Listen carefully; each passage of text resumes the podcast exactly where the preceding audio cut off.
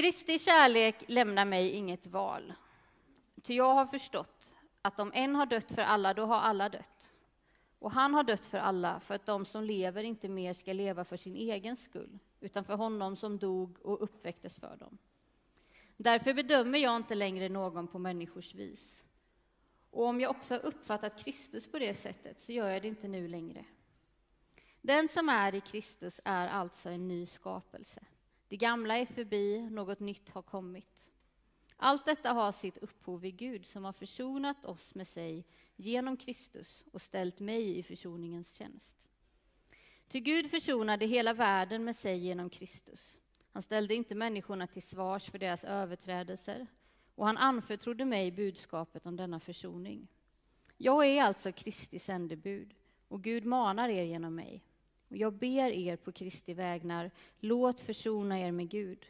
Han som inte visste vad synd var, honom gjorde Gud till ett med synden för vår skull, för att vi genom honom skulle bli till ett med Guds rättfärdighet.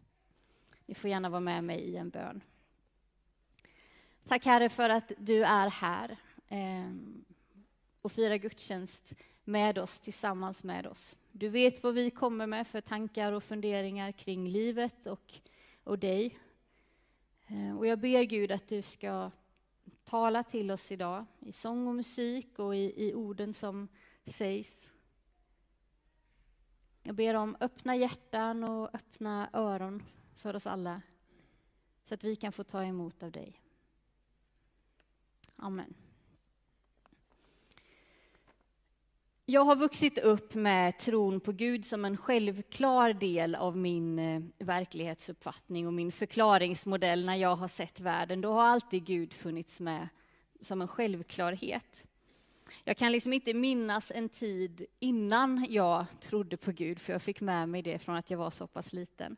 Även om jag nu när jag tittar tillbaka på mitt liv kan minnas tillfällen då jag tvivlat på Gud och tvivlat på Guds existens.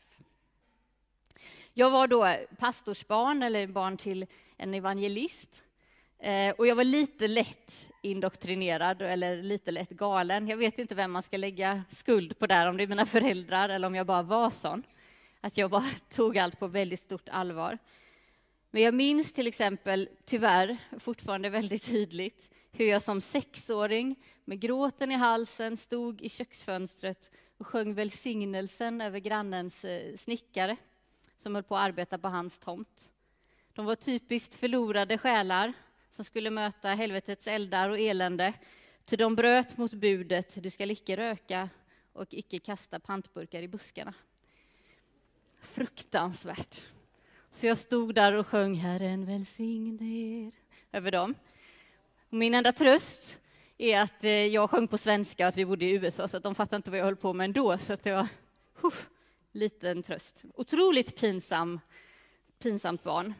Men jag var tvärsäker på min sak. Jag visste hur Gud var och jag visste alla, alla saker man inte skulle göra, 'cause the Bible told me so. Och jag visste precis vad som krävdes för att vara en kristen som sexåring. Eh, och spolar jag fram lite i mitt liv till de sena tonåren så var det där med rökning kanske egentligen inte en dödssynd. Lite eftersom jag själv tjuvrökte. Eh, men kanske också framför allt eftersom jag hade kommit på min pappa med att göra det. Eh, så då var det kanske inte så farligt. Men jag hade ändå min uppfattning klar kring vilka som var med på vägen så att säga och vilka som inte var det. Vad som sammanfattade en kristen tro och vilka åsikter och uttryck som kom med det paketet. Och kanske så var det för att jag var tonåring, eh, men jag minns den här tidens undervisning på gudstjänster och sådär, runt millennieskiftet är vi nu i tid, eh, som att det ofta lyftes fram och poängterades vilka som var med och vilka som inte var det. Vilka som var kristna på riktigt, nu gör jag citationstecken om man lyssnar här och inte ser att jag menar inte det här, utan vilka som var kristna på riktigt och vilka som inte var det. Och i det sammanhanget jag fanns i då var det väldigt tydligt att det var alla andra som hade fel och det var bara vi som hade rätt. Och det var ju tur att jag hade, haft den, hade hamnat så himla rätt och eh, var där. Eller om det var det egentligen, för jag kände ändå hela tiden att jag inte riktigt platsade där jag var och då var ju inte heller jag helt rätt. Jag hade lite för dåligt anseende i sammanhanget jag fanns i. Jag hade haft en tröja på mig som det stod punk på och så hade jag en t-shirt med Kurt Cobain och det krävdes liksom inte mycket mer för att hamna på glid. Och som jag förstod och upplevde Gud och fick Gud förklarat för mig så var han också väldigt noga med vilka som var ute och vilka som var inne, vilka som platsade eller inte. Och själv kände jag att jag nog hängde på en ganska skör tråd, men att om jag hade tur och kämpade på så kanske jag kunde få någon slags pluspoäng för ansträngning i alla fall, även om jag kanske inte var helt, helt bra. Så förstod jag det. Men så gick åren och så började jag läsa teologi. Eh, och en av lärarna sa tidigt på den, den första terminen eh, att när man läser teologi, eh, då är det som om man plockar fram den kristallskulptur man har, liksom som är ens tro och ens erfarenheter och tankar om Gud. Och så ställer man den där för att beskåda den. Och sen så kommer någon annan med en slägga och bara krossar den fullständigt. Men om man ändå fortsätter och håller ut i det stundtals smärtsamma arbetet som det är att bygga upp något på nytt, så får man en tro på Gud och en teologi som är betydligt stadigare än en kristallskulptur. Man får någonting som är betydligt mer hållfast. Ha, tänkte jag. Stackars alla de andra som kommer få sin tro och teologi krossad, för jag vet ju precis redan allting. Och så gick det några månader på terminen. Och så satt jag och höll på att förbereda ett arbete och läste en bibelkommentar där författaren skrev lite sådär i förbifarten att berättelsen om Jona kanske egentligen är en allegori, alltså en liknelse som nedtecknats av en annan samtida profet och inte ett egentligt skeende. Um, och jag minns inte riktigt vem, vem det var som skrev det, men jag minns känslan av att väggarna bara plötsligt rasade in. Um, och att ingenting var längre självklart. Det var som att jag fick svindel där jag satt och läste och kände att kan man inte lita på något längre? Kan man inte ens lita på att Jona var i valfiskens buk? Hur ska man då veta att Gud finns? Så blev det, liksom. Väldigt starkt. Och förmodligen hade det kanske inte så mycket med Jona att göra, utan att jag någonstans egentligen hade märkt att det som var min egen tro, teologi och tankar om Gud, min gudsbild, behövde monteras ner och behövde omprövas, liksom det mesta i min föreställningsvärld. Ehm, och så kom den här då släggan och så rasade min kristallskulptur. Och så visste jag plötsligt inte vad jag trodde längre. Så någonstans i slutet på första terminen så satt jag hos min, min mentor och bekände att jag får nog sluta, för jag tror inte på Gud längre. Eh, Nej, sa han. Men du, fortsätt bara läsa ett litet tag till så går det nog bra, ska du se. Eh, och så gjorde jag det ändå, för jag tänkte att om han ändå tror på Gud, då får jag väl fortsätta ett tag till. Om inte annat så är det pinsamt att hoppa av efter bara en termin. Eh, men bit för bit så hittade jag fotfästet igen. Så hittade jag vart jag kände att jag bottnade. Jag hittade tron på Gud igen. Och så insåg jag att den här snarstuckne, snäva Gud som jag hade, hade trott på tidigare och haft att göra med tidigare. Det var snarare liksom något slags ihopkok av min egen dåliga självkänsla blandat med lite halvbra undervisning och stundtals ganska dålig undervisning om Gud. Plus några gamla mattelärare från gymnasiet. Det var liksom min gudsbild. Ehm, och det var ganska skönt att bli av med den. Och i det så var plötsligt inte heller min tro så svartvit längre. Det var inte så tydligt vilka som var kristna på riktigt och vilka som inte var det. Och det var inte heller lika viktigt. Plötsligt så var inte tron svartvit, utan betydligt fler färger kom in. Och allt eftersom åren har gått, sen jag liksom började läsa, så har jag insett mer och mer att detta är liksom inte en engångsgrej. Att en gång i livet så behöver vi göra, en, liksom, göra upp med våra gamla gudsbilder eller våra gamla föreställningar om vad det är att vara en kristen. Vem Gud är eller eller hur Bibeln ska läsas eller tolkas, utan det här är en konstant process. Det måste få vara en konstant process i en troende människas liv. Och jag föreställer mig inte längre tron som ett gäng slutsatser eller påståenden som man liksom känner att man skriver under på, som ett, ett kontrakt. Utan jag tänker mig tron som någonting organiskt, som, en, som något som lever, som en växt som kan ändra form och skepnad över tid. Någonting som behöver få näring för att överleva och som behöver skötas om för att det inte ska stanna till i utvecklingen. För att den inte ska stagnera eller kvävas eller bli missformad. Och de av er som har växter eller trädgårdar eller något sånt intresse vet att nu är det snart dags att börja förså sommarens alla göttigheter. Allt det vi ska glädjas åt sen behöver ut i små såbrätten eller glasslådor eller godislådor, vad det nu är, som man använder, som man fyller med jord och strösslar ut lite frön. Och så börjar det liksom sakta växa någonting.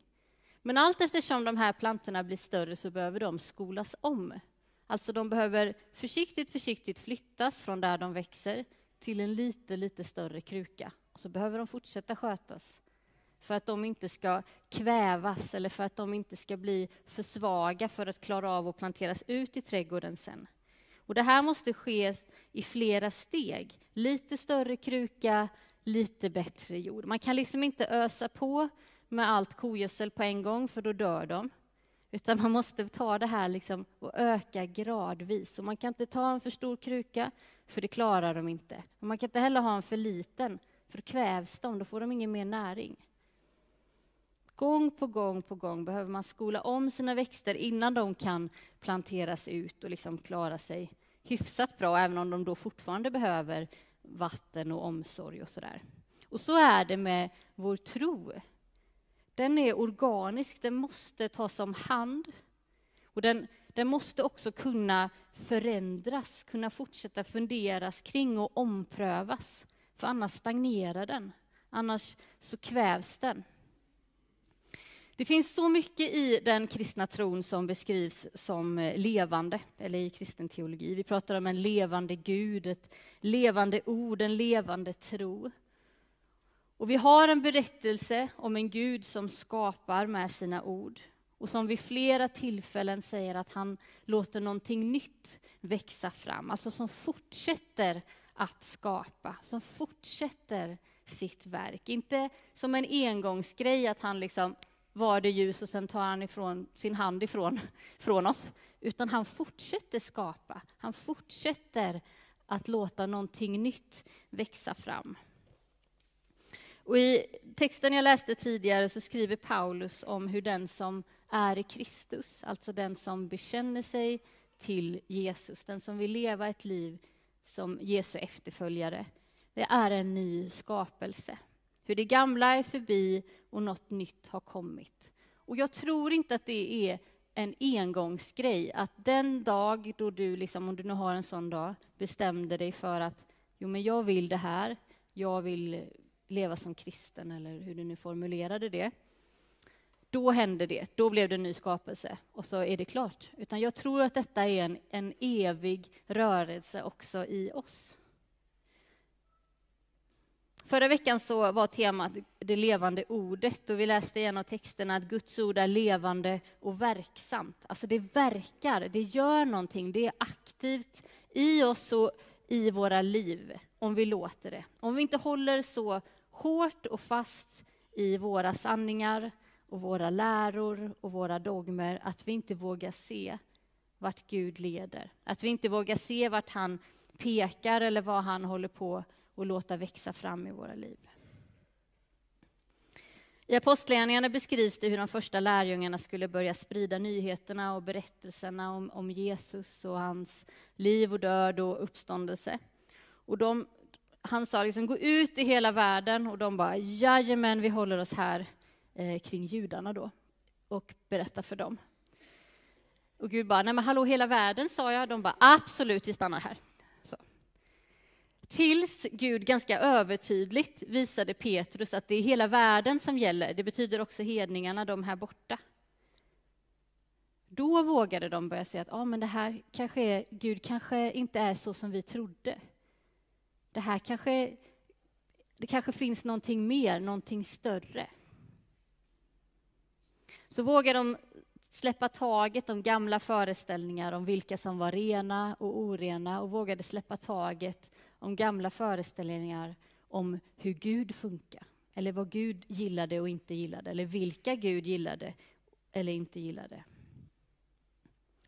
Gud utmanar oss hela tiden att, att våga släppa taget lite och vidga synfältet. Att inte tänka så där, nej men nu är jag vuxen, jag tror så här och nu är jag färdig. Utan vi behöver alltid vara ödmjuka inför det faktum att vi faktiskt inte har hela sanningen eller hela uppenbarelsen om hur Gud är eller hur allt fungerar eller ska tänkas kring. Ingen av oss har det och därför behöver vi också ställa frågor tillsammans och fundera och lyssna på varandras tankar och funderingar och tolkningar så att vi kan lära av varandra. Men då kan man inte heller sitta där och, och inte våga lyssna på någon annan som tänker något annat, utan då behöver man vara ödmjuk inför att okej, okay, så tänker du. Vad tror jag om det? Och så får man pröva sig själv och ompröva sig själv och sin tro lite granna. Och kanske landar man i att nej men jag tror faktiskt så som jag gjorde innan. Nej men jag tror ändå att, att Jona kanske faktiskt var i valfiskens buk i tre dagar. Så. Eh, för det är roligare. eh, och så kan man fortsätta tro det. Men man får komma ihåg och, och, och hela tiden pröva sina tankar och sin tro. Vad tror jag egentligen? Hur tror jag? Vem är Gud? Vad står det i Bibeln? Och hur läser jag Bibeln? Spelar det någon roll om jag läser den eller inte? För mig så rasade väldigt mycket av det jag såg som självklart när jag insåg att min bibelsyn behövde omprövas. Eh, så mycket av det vi ser som sanningar om Gud och oss själva kommer ju ur Bibeln och det som står skrivet där och det vi läser där och de berättelserna. Men, men den skrevs ju av en mängd olika män som levde i en tid som var helt olik vår och som präglades av en helt annan etik och moral och människosyn. En helt annan tanke om vetenskap eller läkekonst och det präglar ju de texterna. Och hur ska jag då närma mig dem idag när vi vet mer, när vi tänker annorlunda, när vi har förstått mer om hur jorden faktiskt är uppbyggd? Det tåls att funderas kring och jag tror att det är viktigt att var och en på något sätt gör den reflektionen. Att man funderar kring hur tror jag och varför? Och under den här våren så kommer de här Brottas med Gud-kvällarna vi har, som är då en, en kväll då man får lyssna på en föreläsning och sen så får man diskutera och fundera tillsammans vid, över fikaborden. Det kommer ha temat Bibeln lite granna läsning och tolkning och hur man förstår det. Och första tillfället är faktiskt ikväll till och med, då vi kommer få då vi kommer gästas av Magnus Bramer som är pastor i Betlehemskyrkan i Göteborg, som kommer prata om bibelsyn. Och så kommer vi få tillfälle att, att fundera. Så ikväll klockan 18 är ett jättebra tillfälle att börja ta fram den här kristallskulpturen och släggan och fundera på, på vad som händer.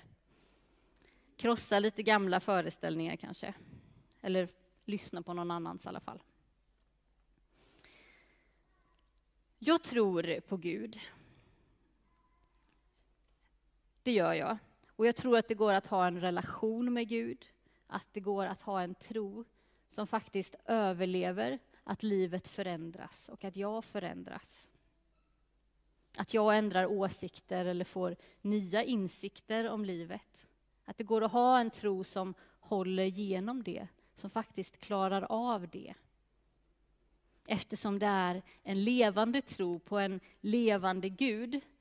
En levande Gud som också överlever att jag har åsikter och ifrågasätter.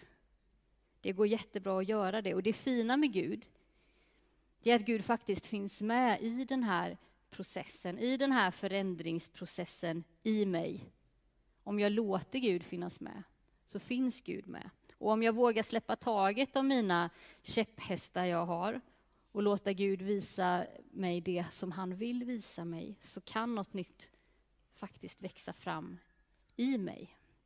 Och det kan vara skrämmande och det kan vara smärtsamt.